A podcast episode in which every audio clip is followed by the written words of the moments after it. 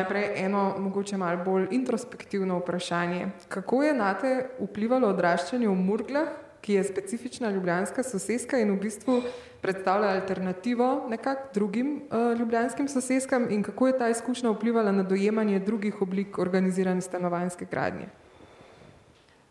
Odraščanje v Murglah je bilo ena zelo lepa izkušnja. Um, v bistvu samo bivanje v Murglah je nekaj, kar ti omogoča res to bivanje pri tleh, um, v neposrednem stiku z okolico hiše, s sosedsko, zelenjem, um, na najrazličnejše načine. Pravzaprav že sama tipologija omogoča to, da uh, je bivalni prostor podaljšan v vrt in da v bistvu večin, večinski del leta preživiš um, nekje med zunaj in med znotraj. Um, po drugi strani tudi seveda svoja sosedska s tem, da je minimalno prometa avtomobilskega, da je zelo veliko zelenih površin, nam je kot otrokom omogočala eno tako zelo lepo igrišče, neomejeno, veliko, brez kakršnih koli omejitev, uh, to seveda bolj kot ne labirintsko zasnovo. Tako da smo um, zelo veliko časa preživeli zunaj um, in zelo veliko časa v bistvu bili ali na igriščih. Um, ali rabutali sadje, ali smučali na, uh, na um, zakloniščih. Uh, tako da je en tak res um, lepa izkušnja z uh, otroštva. Um, kar se tiče pa v primerjavi recimo z ostalimi naselji, um, ki smo jih srečevali, ko smo obiskovali sošolce, prijatelje in tako naprej, um, so bili pa vedno mogoče malo zavistni, ali pa vsaj jaz osebno sem bila vedno malo zavistna, zaradi tega, ker uh, so bila to v teh naseljih je bilo vedno več otrok, nas je bilo vedno manj, tudi verjetno zaradi same gostote, zaradi generacij, zaradi družin, ki so živele tam, kjer smo mi živeli. Um, tako da vedno več je bilo otrok, zelo veliko so imeli nekih drugih mestnih uh, funkcij zraven, od lokalov do kinov, recimo. Če se sam spomnim, prijatelj iz Plave Lagune, je bilo to popolnoma neko drugo otroštvo, kot je bilo naše otroštvo. Ampak uh, mislim, da težko govorimo o nekih um, boljših lastnostih, ampak sam o drugem načinu življenja ali pa o drugem naselju. Morgle so res nekaj, kar so mogoče malo bolj nek tak uh, skoraj podeželski moment, kjer si v bistvu cel čas to krajino. Medtem ko so v bistvu ta mestna naselja, kot je Plava Laguna ali pa Ruski car, predvsej bolj mestna uh, naselja. Kako nam pa lahko ti različni zgledi, ki so bili zgrajeni v preteklosti, pomagajo pri razmisleku o prihodnosti organizirane stanovanske gradnje? Mm, obstoječe stanovanske sosedske, govorim predvsem o ljubljanskih, uh, so seveda te, ki nam lahko zelo lepo služijo kot neko polje raziskovanja organizirane stanovanske gradnje. V prvi vrsti seveda kot neko naselje, ki obstaja, kjer že samo empirično raziskovanje lahko zlahka izpeljemo. Um, seveda, ker nas, ta naselja so, obstajajo in so še vedno v rabi. Um, in prav na teh naseljih lahko opazujemo, kako je pomembno, seveda, po eni strani um, neko zelo jasno načrtovanje samih uh, bivanskih enot, ampak po drugi strani, seveda, vsega okolja, ki te enote obdaja, od zelenih površin, igrišč, uh, infrastrukture, ki jo naselje uh, ponuja. Um, ampak kar se meni zdi ključnega pomena, če jih tudi gledamo kot neko zgodovinsko, um, zgodovinsko akcijo, um, se mi zdi tudi pomembno jih gledati kot nek dokaz, da je samo neka zelo organizirana, strateška, z vseh strani podprta akcija, pravzaprav ta, ki lahko prepelja do enega naselja, ki dejansko funkcionira. Um, stanovanske sosedske se niso gradile kot en tak parcialni del, nekaj, kar bi bilo vezano mogoče samo na neko določeno stroko ali pa na neke določene akterje, ampak pravzaprav so bile um, res en del strateške vizije razvoja mesta, um, bile so rezultat enega večletnega interdisciplinarnega dela različnih inštitucij um, in ne samo projektive, ampak seveda na začetku raziskovanja raziskovanja najrazličnejših stvari, od nekih socioloških aspektov, demografskih, pa seveda do iskanja novih oblik urbanističnih zazidav, novih stanovanjskih tipologij, novih stanovanjskih tlorisov, tehnoloških izboljšav in tako naprej. Zdaj, um, zadnjih sto let organizirane stanovanske gradnje, ki so pač predmet te naše razstave, uh, se zdi na prvi pogled, da jih obvladujejo neki prelomi in re reorientacije. Ampak se ti zdi, da mogoče obstaja tudi kakšna kontinuiteta med temi obdobji?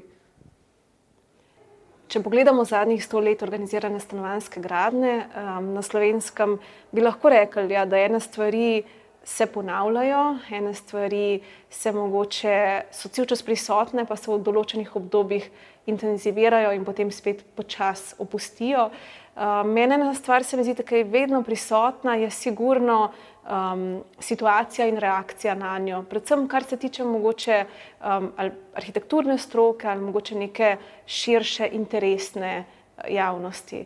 Tako da je pravzaprav cel čas prisoten problem pomankanja stanovanj, dostopnosti stanovanj. To je nekaj, kar lahko zelo lepo spremljamo že od samega začetka dalje, in odzivi so seveda različni v različnih obdobjih. Um, čas, recimo po prvi svetovni vojni, prenese na tako zelo pospešeno študijo strani recimo arhitekturne stroke, in potem tudi vedno večje.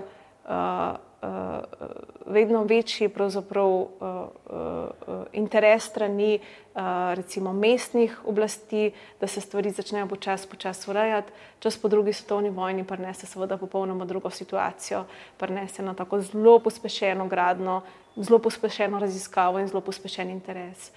Um, če se vrnemo zdaj nazaj, skratka, danes smo spet v situaciji, ko uh, je problem še vedno enak, mogoče še bolj intenziven, kot je bil uh, um, v zgodovini, skratka, stanovanja, stanovanj primankuje, so teže dostopna, predvsem za mlade, za uh, tudi ogrožene skupine.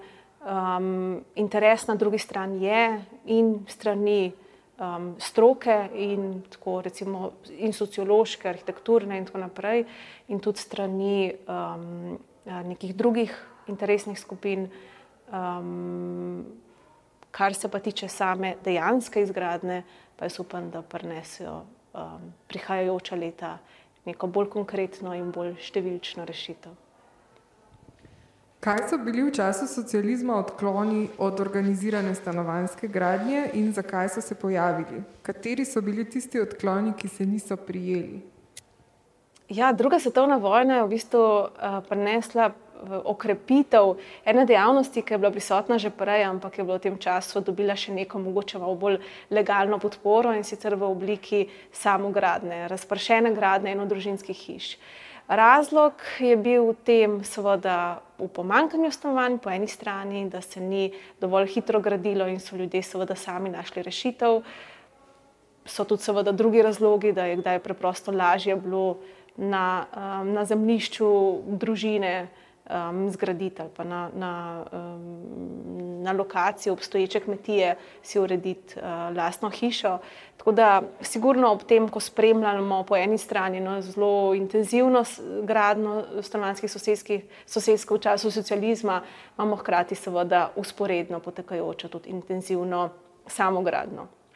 Um, in to je seveda nekaj bilo, kar je bilo vsaj deloma um, uh, podprto um, ali pa vsaj sprejeto tudi uh, strani oblasti, strani um, um, zakonodajalcev z najrazličnejšimi olajšavami, tudi krediti in tako naprej. Tako da je bila pač ena taka um, rešitev uh, situacije.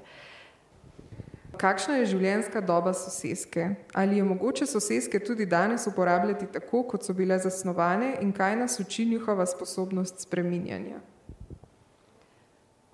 Življenjska doba sosedske se mi zdi, da je um, podobna kot življenjska doba mesta. Sosedska sčasoma je postala del naših naselij in uh, si upam trditi, da bo živa, dokler bo naseljena in bo, um, bo polna in polna življenja. Um, kaj, kako so se sosedske spremenile skozi čas?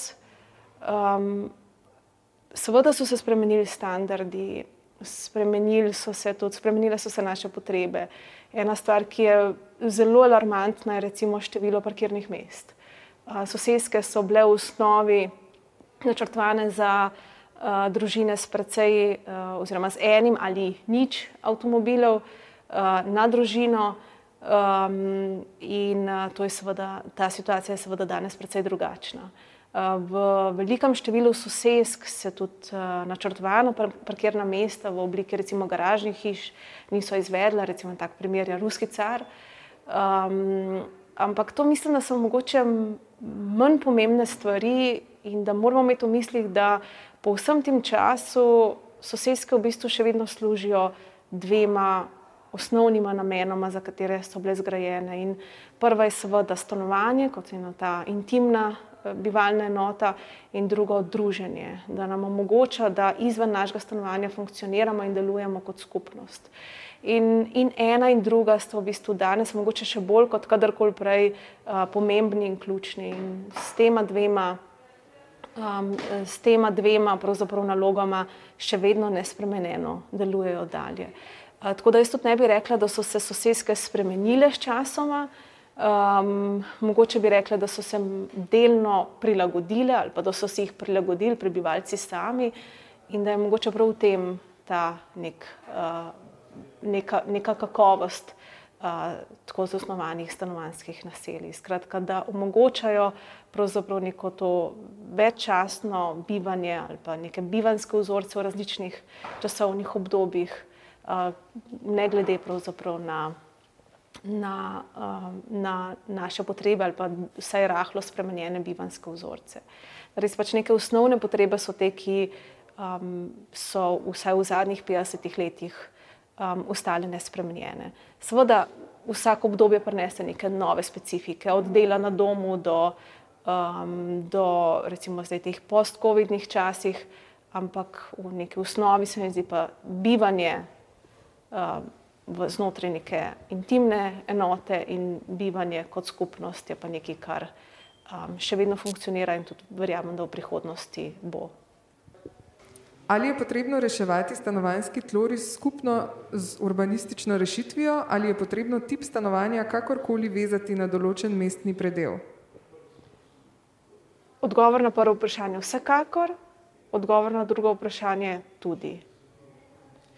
Kaj mislite o pravilnikih in predpisanih minimalnih stanovanjskih površinah? Ali naj se spremenijo ali celo ukinejo? Ukinejo nikakor, prilagodijo današnjim standardom.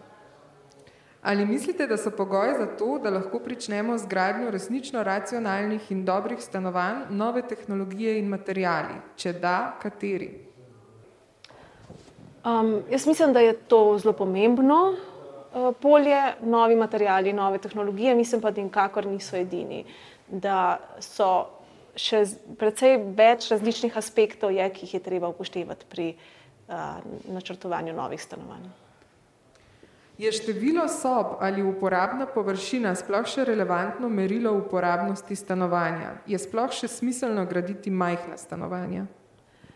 Uh, jaz mislim, da sploh zadnje čase, uh, kar je na tržišču, nam pritarjuje k odgovoru da.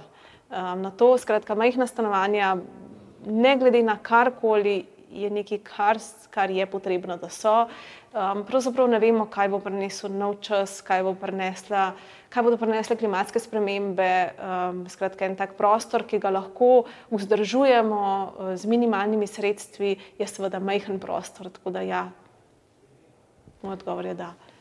Skladi imajo omejena sredstva. Ali je v času stanovanjske krize pametneje ta sredstva vložiti v gradnjo večjega števila zasilnih ali manjšega števila bolj kvalitetnih optimalnih enot? Mislim, da je bolj, da nam tudi primeri iz zgodovine govorijo, da je bolje graditi več in, in manjše, kot manj in večje. Um, ne glede na to, um, v kakšnem stanju so zasilne enote, jih vedno lahko optimiziraš. Um, če imaš dovolj, dovoljno, dovoljšne število, uh, po drugi strani pa um, so pravzaprav optimalne enote. Te, ki lahko pelejo recimo, do neke segregacije, do a, uh, neke selekcije, kdo pravzaprav pride do njih, a, uh, komu so dostopne, in potem še vedno ostane nekaj večje število, ki, a, ki ostane brez stanovanja. Ali bi morali po pandemiji drugače načrtovati stanovanja? Um, po pandemiji mislim, da ne. Um, imamo dve drugi težavi, s katerimi se moramo zelo hitro srečati: okoljska kriza in ekonomska neenakost, ki sta na prvem mestu.